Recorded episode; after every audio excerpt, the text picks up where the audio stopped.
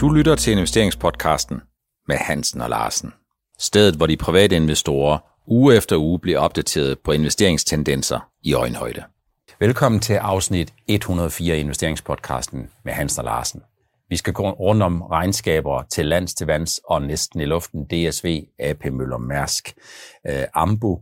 Vi skal snakke om de måske syv renteforholdelser, som tidligere amerikansk finansminister Larry Summers har øh, sagt, der kan være en mulighed, og så skal vi jo ikke komme, eller vi kan ikke komme udenom den mega nedtur, som Facebook har haft i Meta den her uge. Vi går lige på hårdt.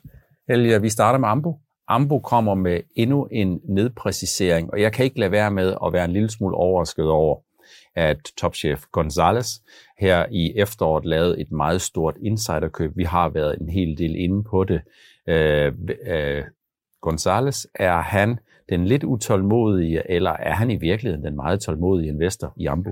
Ja, han må jo være en meget øh, tålmodig investor, men omvendt så kiggede han jo også ind i en fremtid, der måske ikke var så behæftet med øh, forsinkelser i forbindelse med covid og alt muligt andet. Det er jo svært at, og på det tidspunkt, hvor han går ud og køber, og tænke på, hvor langt fører det her, og hvilken betydning får det, får det for udrulning af de ting, vi har med at gøre. Så øh, jeg synes, han er lovlig undskyldt, øh, men jeg håber også for hans egen skyld, at han tager de lange briller på i forbindelse med den der enorme investering, han har gjort. Det er cirka fire måneder siden, at vi havde det med i investeringspodcasten med Hans og Larsen, øh, og man må bare sige, at sigtbarheden den har været dårlig. Der har været meget tåge, og det er svært at manøvrere. En kat har ni liv. Bliver det her den sidste, det sidste nedjustering fra Ambu? Er det det sidste nedjusteringsliv, vi har set? Ja, Per, nu kan jeg ikke sådan lige huske, men er de ikke sådan ligesom blevet lidt mindre? Altså, de er kommet, men de er blevet lidt mindre hver gang, ikke? Jo. Og nu den sidste her, den synes jeg, okay, den var det til at leve med. Mm. Man må sige, at øh, Ambu er jo fortsat en aktie, som tiltrækker stor opmærksomhed. Det er også en, der deler vandene. Hvis det er sådan, at de får succes, stigende succes med det, de laver, jamen, så får man jo i poser i sæk. Så får man stigende indtjening, øh, fordi man får stigende omsætning, så får man forbedret EBIT margins. Men så længe det er sådan, man bliver ved med at præcisere lidt i den nedadgående retning, og i den her gang, der var det jo Ambu, som skulle gå fra omsætningsvækst 15 til 19 til 15 plus, og en EBIT margin mellem 7 til 9, som nu skal være 7 plus. Man kan sagtens sige, at det ikke var nogen stor nedjustering, men for investorerne, der må man sige, der er det altså mere af det negative nyhedsstrøm, den negative nyhedsflow, som investorerne på kort sigt ikke er så vilde Og det kommer jo af, at der sælges massivt ud af danske øh, kvalitetsaktier, mm. og øh, så det gør ikke tingene bedre, og så har der jo kommet en del nedskrivninger fra analytikerne her på det seneste. Senest i dag, vi optager onsdag dagen før, den bliver sendt i morgen, torsdag, den her podcast. Ikke? Så kom der noget her i morgen, så det har nok skubbet på igen i dag. Jeg tror, vi skal konkludere, Helge, at øh, Gonzales, han er ligesom dig, den tålmodige investor, og han er desværre ikke ligesom den meksikanske udgave øh, af tegnefilm Speedy Gonzales. Der kommer regnskab fra DSV. Det er anderledes upbeat. Øh, DSV, de øh, kører varer ud til tiden. Det gør de til lands, til vands og i luften, og hver gang der er en ny integration af et nyt selskab, der bliver tilkøbt, Helge, så virker det. Det er vel sådan set ja. bare business as usual, er det ikke det? Jo, det er det, og man kan sige, at øh, det, det er sådan med DSV, jamen altså det her med deres opkøb, der har de en model, ikke? one fits all, og så kører de løs med den, og det er de fantastisk gode til. Jeg kan ikke komme i tanke om noget, nogen anden virksomhed, jeg har kendt gennem årene, der køber andre virksomheder op, som kommer så let omkring det, eller det er nok ikke let for dem, men, men de kommer så godt omkring de her opkøb. Og så kan man sige, hvis vi ser på det her regnskab her, så er det igen til i luften og til søs, at de øh, får hæve nogle gode, øh, nogle gode tal hjem øh, her lige øh, i, i det sidste kvartal her. Så øh, det bliver spændende at se, hvordan det går fremover. Der kommer nye øh, vejregler og kørselsregler mm. øh, i Europa, som kan blive meget udfordrende. Ikke? Øh, så. Jeg, synes, jeg synes, jeg så noget med, at DSV sagde, at det kommer til at kappe noget af kapaciteten af. Og spørgsmålet det er, om det der med at kappe noget af kapaciteten af på et tidspunkt, hvor priserne i forvejen er lidt til den gode side. Jeg, jeg tror, at outcome på det, det bliver væsentlige prisstigninger, og det er jo fordi væsentlige prisstigninger, de kommer som en konsekvens af den her kapacitetstilpasning, men jo også, at der er opadgående pris for brændstof og forskellige ja, andre ting. Alt muligt andet, og at, at tingene skal være mere grønne, end, end de var tidligere i transportsektoren, det er jo også fordyrende for selskaberne. DSV de leverer sædvanen tro fremragende resultater, og deres guidance for øh, indeværende år 2022 er ikke nogen undtagelse, der guider de nogenlunde som forventet eller en lille smule bedre. Der er også kommet øh, regnskab fra en anden mastodont i Danmark, AP Møller Mærsk, 117 milliarder kroner. Ja, jeg griner lidt. Øh, det er ikke, fordi jeg griner af tallet, men det er, fordi tallet det er så astronomisk. Så jeg synes faktisk, det er svært at forholde sig til de guider.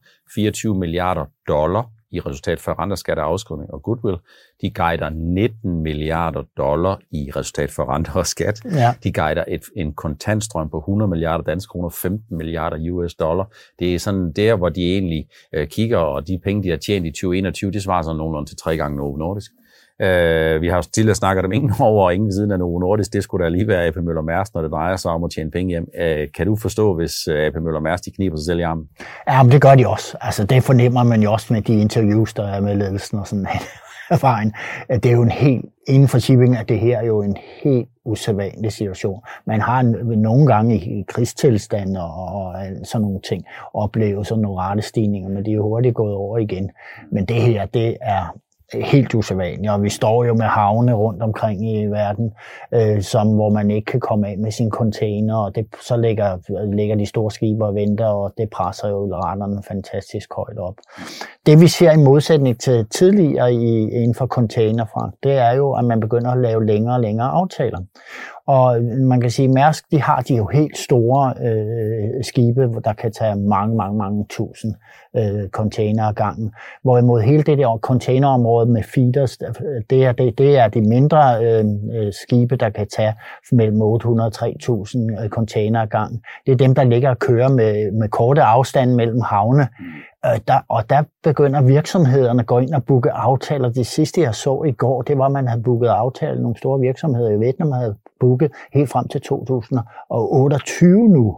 Øh, og det har været altså, til nogle rimelig høje rater.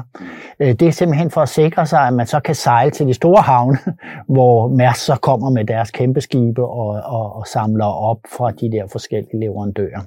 Øh, så hele presset er jo øh, på, på raterne stadigvæk, og det guider det jo ikke andet end der kommer måske lidt, der er noget, der ligner en normalisering 2022, altså Mærsk for deres vedkommende. Men jeg gad vide, om det ikke fortsætter med de høje renter. Det har jeg sådan på fornemmelsen, når jeg ser nogle analytikere være ude med det. At jamen det, det, det er, der kommer en new normal inden for, for, for container shipping her i de kommende år.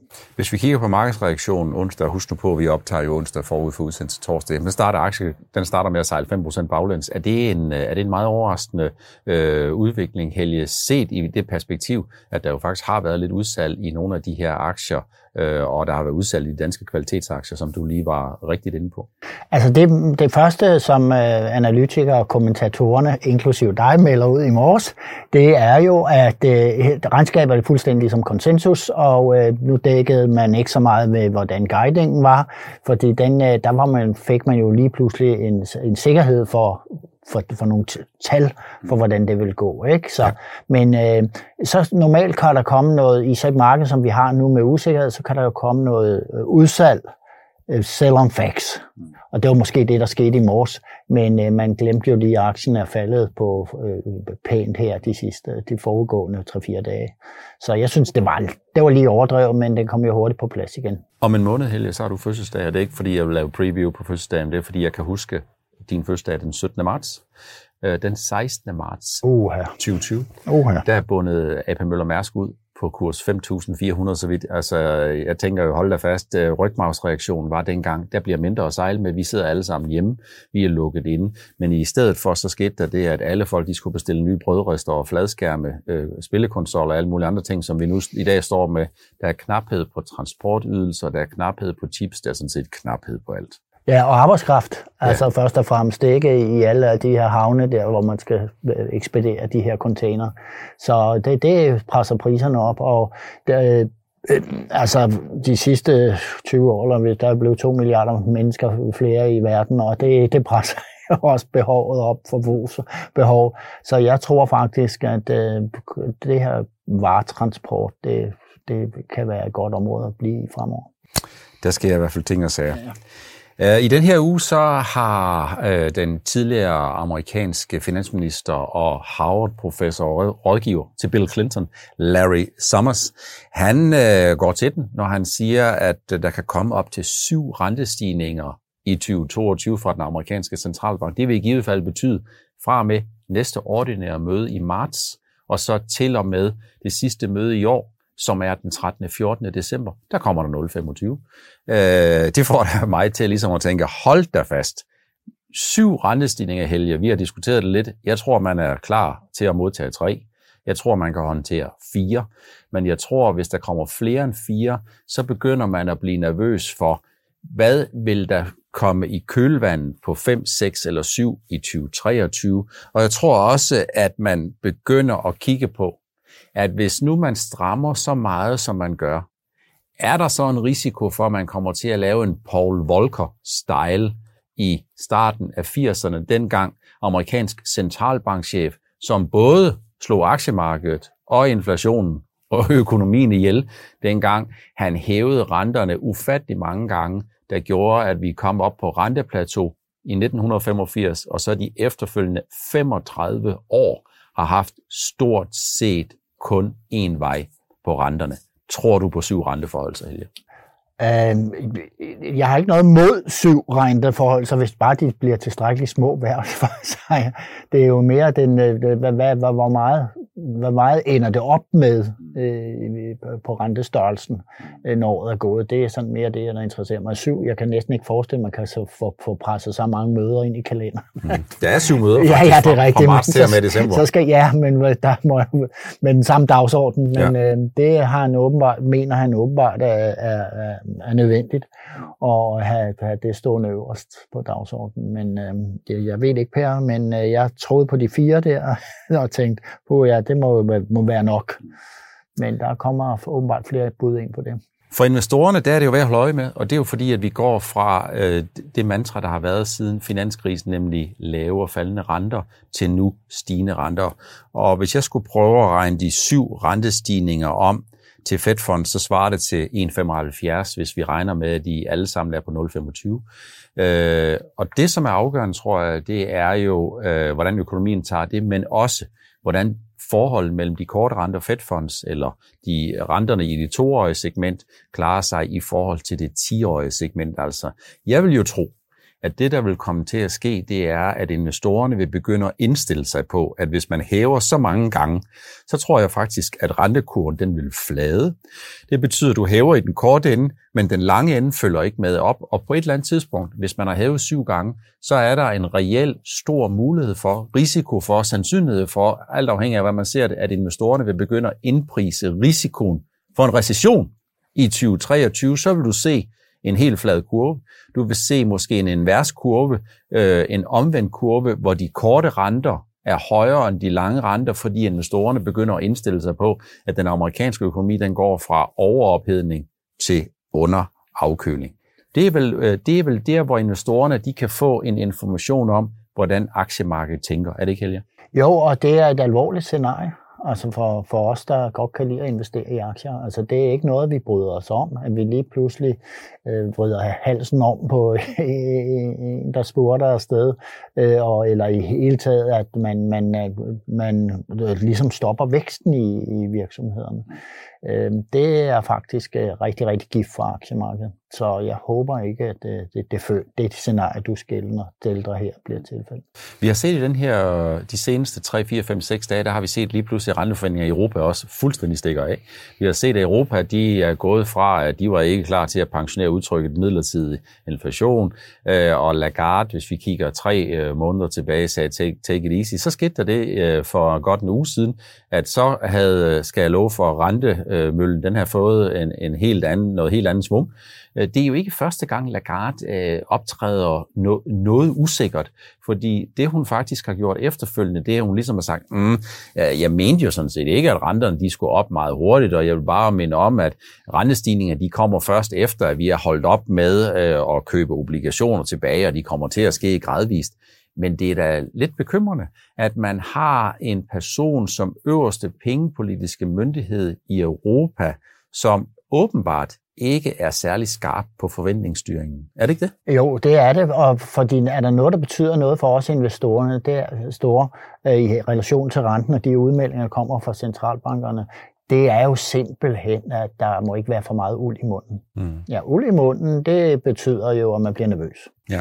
Så det er bedre at få et klart svar, end øh, at få de her uldne svar. Ja. Og vi har jo sådan øh, noget, jeg skulle holde op på fra sidste udsendelse, det er meget pudsigt, ikke? Ja. Det var det her med rente, om den blev sat op i Europa. I det, var det, det var det, hvor jeg for en uge siden regnede med, det gjorde den ikke. Jeg, må, jeg skal da love for, at øh, det er der noget, som du kommer til at holde mig op på, og det er jo også bare helt fair. Ja, ja, det, er. det er jo ikke givet, at det kommer til at ske, men jeg er da, jeg er da nødt til at sige, at oddsene for, at jeg får ret, de, de ser noget anderledes ud. Altså, det giver pengene meget færre gange igen, end det gjorde for en uge siden. Ja, og du kan se, hvad er det, det fortæller os om hele markedet, det her med, at jamen, man, kan sgu alt, man kan næsten ikke være sikker på noget, øh, slet ikke det her med andre, og valutaerne udvikler sig heller ikke helt sådan, som vi har, vi har snakket om med den stigende dollar. Det, jeg synes, det er pludselig så, gud, hvad var det for et setback, dollaren fik over for øh, øh, euroen her for nyligt, ikke? Ja.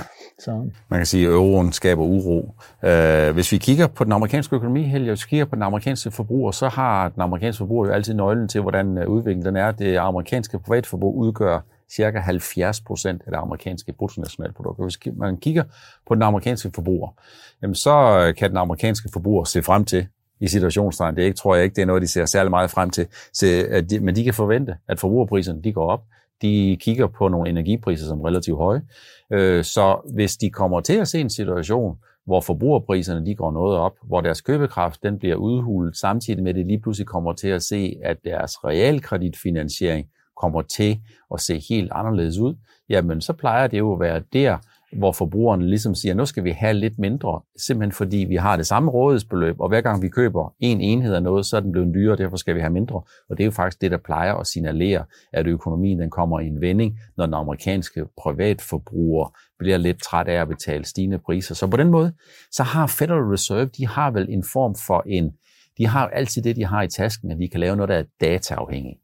Er det ikke det? De har altid deres nødbremse der. Ja, ja, det har de, og man ser, man, eller man fornemmer tit, at de her data, der kommer, er styrende i sådan en, en lidt, altså det er ikke en fast linje, der er muligheder for, for at slippe lidt på den, når, når data siger noget andet.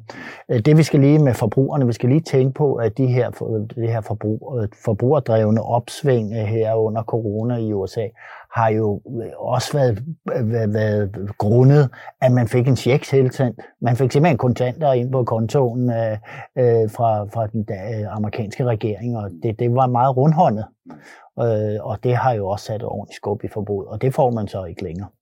Det bliver spændende at følge. Jeg tror stadigvæk 3-4 rentestigninger, det kan man godt håndtere på nuværende niveau, men udsigterne til 5-7 og måske yderligere stigninger i 2023, øh, det tror jeg, det bliver en større udfordring. Jeg synes, I skal holde øje med som investorer, der skal I holde øje med, hvordan renteudviklingen er, og specifikt så skal I holde øje med hældningskoefficienten på den amerikanske rentestruktur, det vil sige forskellen mellem prisen på de helt korte penge, Fed så op til to år, og hvordan øh, renten er på de 10-årige. Renten på den 10-årige amerikanske ligger lige i underkanten af 2%. Vi kan ikke tale aktiehelge, uden at vi skal komme ind på de kursklø, som Facebook har fået. Der har været mega klø til Meta. Aktien den er faldet med mere end 30 procent, siden de aflagde et skuffende regnskab i sidste uge. Den faldt 26 procent på dag 1, og så drøber den lidt yderligere nedad, og investorerne de er ved at indstille sig på, hmm, kan vide, hvordan indtjeningsforventningerne de skal justeres. Så vidt jeg kunne se, så er det nogenlunde cirka 10% ned, og i den her scene, så må man jo egentlig sige 30% ned på aktien. Det fortæller ikke kun, at indtjeningsvandringer de skal ned. Det, forvent, der, det fortæller også en historie om, at på de nye og lavere estimater, der tror investorerne, at der er en væsentlig risiko for, at det ikke kun, der ikke kun bliver tale om en enkelt nedjustering, eller hvad? Øhm, jeg tror, at man er usikker på, altså der, på, på de her selskaber, som har performet rigtig, rigtig godt øh, inden for, for den her branche. Øh, og øh, øh, der sker nogle bevægelser der. Vi så det også med Netflix, det her. Ikke? Der har nogle konkurrenter, og Facebook har også konkurrenter på det her. Jeg sidder meget og tænker på, øh, når jeg nu ser de her nedskrivninger, at man nedjusterer, øh, det er jo annonceindtægter primært, det får ind. Og så sidder jeg sådan en, der køber masser af Facebook-annoncer og sender masser af penge til Irland, der hvor de har deres europæiske øh, øh, pengekasse. Og øh, jeg har opdaget, at øh, jeg synes, i stedet for at jeg får en moderne service, som jeg er vant til øh, fra, fra, fra danske virksom, medievirksomheder at gøre, så får jeg en forfærdelig service fra, fra Facebook. Jeg opdager også, at den reach, jeg har, øh, burde have, altså kontaktprisen per kunde, den går kun opad. Og, øh, og har nået et niveau, hvor jeg tænker, ah, er der ikke andre muligheder? Jamen, så kan man gå til Instagram og hvad der ellers, TikTok og hvad der ellers er. Øh, men øh, noget af det ligger, drøber jo også på Facebook, hvis det er Instagram for eksempel. Så kan man gå Google annoncering osv. Jeg synes ikke, de performer godt nok over for kunderne. Og det blev værre. Og det er måske det, de har opdaget derovre. Hvis de kan ligesom forvente den her Øh, de må gerne sætte priserne ned på annoncerne, så strømmer kunderne til igen, er jeg helt sikker på. Men øh, øh, der er sket et eller andet, så altså, de, de, det er ikke godt nok, det produkt, de leverer. Er Facebook, Helge, er det lidt ligesom ugebladene? Der er ingen, der har købt dem, men alle ved, hvad der står i dem. Det vil sige, øh, vi har alle sammen et eller andet at skulle sige om Facebook og skulle mene om Facebook, men det er i hvert fald indtil videre, selvom TikTok er på vej frem, og nogle andre er på vej frem, så er det indtil videre øh, Øh, lidt sværere at komme udenom dem. Det kan jo godt ændre sig.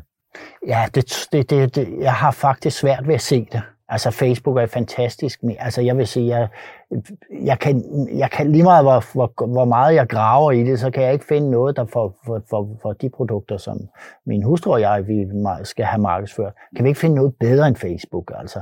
Øh, men, øh, de kunne gøre det meget, meget bedre. Og øh, jeg tror, det der, de blev ligesom for store, og så skal de være globale. Ja. Og det vil sige, at lige så snart jeg, jeg øh, har behov for en eller anden øh, råd eller vejledning, så kommer jeg til at snakke med en eller anden, der sidder i telefonservice ude på Filippinerne og snakker gebrokken engelsk.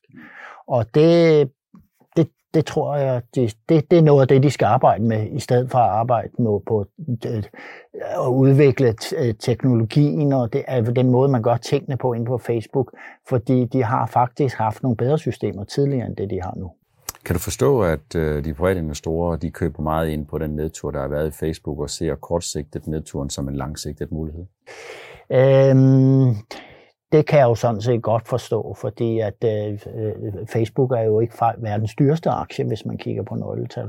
Så, øh, så der, der er nok nogen, der tænker sådan, men øh, øh, jeg tror faktisk, at øh, jeg vil nok have ventet et par kvartaler, inden jeg gik ind i Facebook, hvis jeg skulle tænke på den måde. Men i virkeligheden, så kan man måske vente om, Helge, og så sige, hvis øh, Facebook er på vej til at blive billig, jamen så er vækstinvestorerne, de er måske trukket videre, fordi Øh, for dem der er prisen sådan set ligegyldigt, og det er vækst, vækst, vækst, og hvis ikke væksten den er der, jamen så ryger, så bliver nøgletallet, de bliver presset sammen, men det er aktien, den bliver billigere, det får faktisk ikke nødvendigvis flere til at strømme ind øh, i at købe aktien.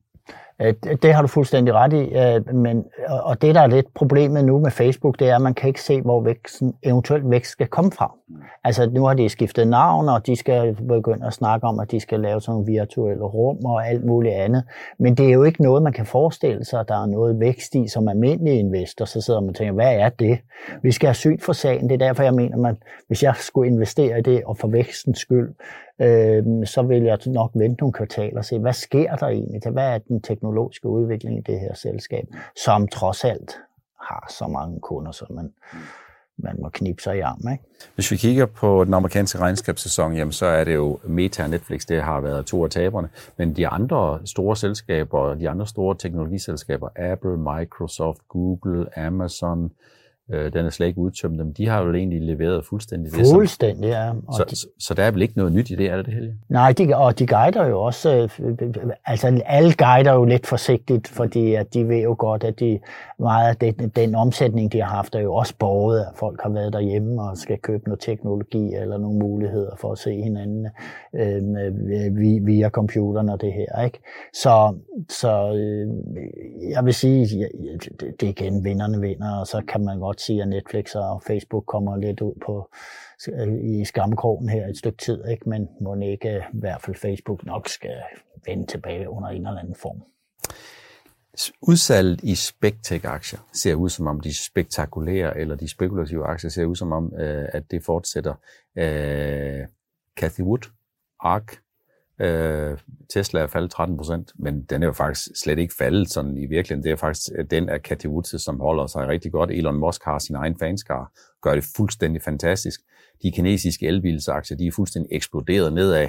Øh, Lucid, uh, NIO, uh, vi fik børsnoteret i efteråret, der fik vi børsnoteret Rivian. Jeg skal love for, at den kørte hårdt ind på børsen, men så er den altså kørt baglæns igen. Uh, Tror du, at øh, øh, den her udvandring fra Spectec, tror du, den er ved at kulminere, eller tror du, der kan komme endnu en salgsbølge? Øhm, det tror jeg sagtens, der kan. Altså det her med, hvis når nu snakker om syv andre forhold, så er det her, hvis først, øh, hvis, altså, hvis først øh, øh hvis ikke det er indpriset op i investorernes hoveder, at, at man vi nok ikke kan nøjes med tre eller fire, mm. så, kan der, så er det jo et af de steder, man går, går ud igen. Man kan i hvert fald, det som min erfaring den siger mig, det er, det handler ikke nødvendigvis kun om nøgletal, men det handler om den likviditet, der forsvinder, når det er sådan, at renterne de begynder at stige, og det er jo fordi noget af den likviditet, noget af den overlikviditet, der har været i aktiemarkedet, går andre steder hen, når man lige pludselig kan begynde at få en positiv forrentning på en 3, 6, 9 eller 12 måneders øh, fordring i USA. Det kan man faktisk også i Danmark. Der kan man faktisk få en renteindtægt, hvis man køber en 10-årig fordring. Så øh, jeg tror, der er noget med nøgletal, men jeg tror også, der er noget af likviditeten, der forsvinder, og der er jeg faktisk lidt nervøs for, at vi ikke nødvendigvis har set, at udsalget fuldstændig har kulmineret endnu, og vi har, og vi har ikke set, at udsalget er kulmineret, hvis vi skal have syv renteforholdelser, og hvis investorerne begynder at indstille sig på det. Det bliver spændende at følge med i. Det var det, som vi har valgt at tage med i afsnit 104 af Investeringspodcast med Hansen Larsen rundt om Ambo. Øh, hvad der var med om øh, topchefen i Ambo, øh, om han har behov for at være øh, den tålmodige investor, som du jo så malende beskriver i din bog, Helge. Investoren havde håbet på, at han var en Speedy Gonzales, men det er i hvert fald ikke noget af det, som man har tjent nogen penge på. Og om det gode regnskab fra DSV, om Mærsk, som skovler pengene ind, 117 milliarder danske kroner, om de syv renteforholdelser, som Larry Summers, tidligere amerikansk finansminister, og rådgiver for Bill Clinton og Harvard-professor, siger investorerne, skal indsætte sig på, og sidst men ikke mindst, nedturen i Facebook Meta. Tak fordi I fulgte med. Vi ses igen og snakkes ved igen i næste uge, afsnit 105 af investeringspodcasten med Hansen og Larsen.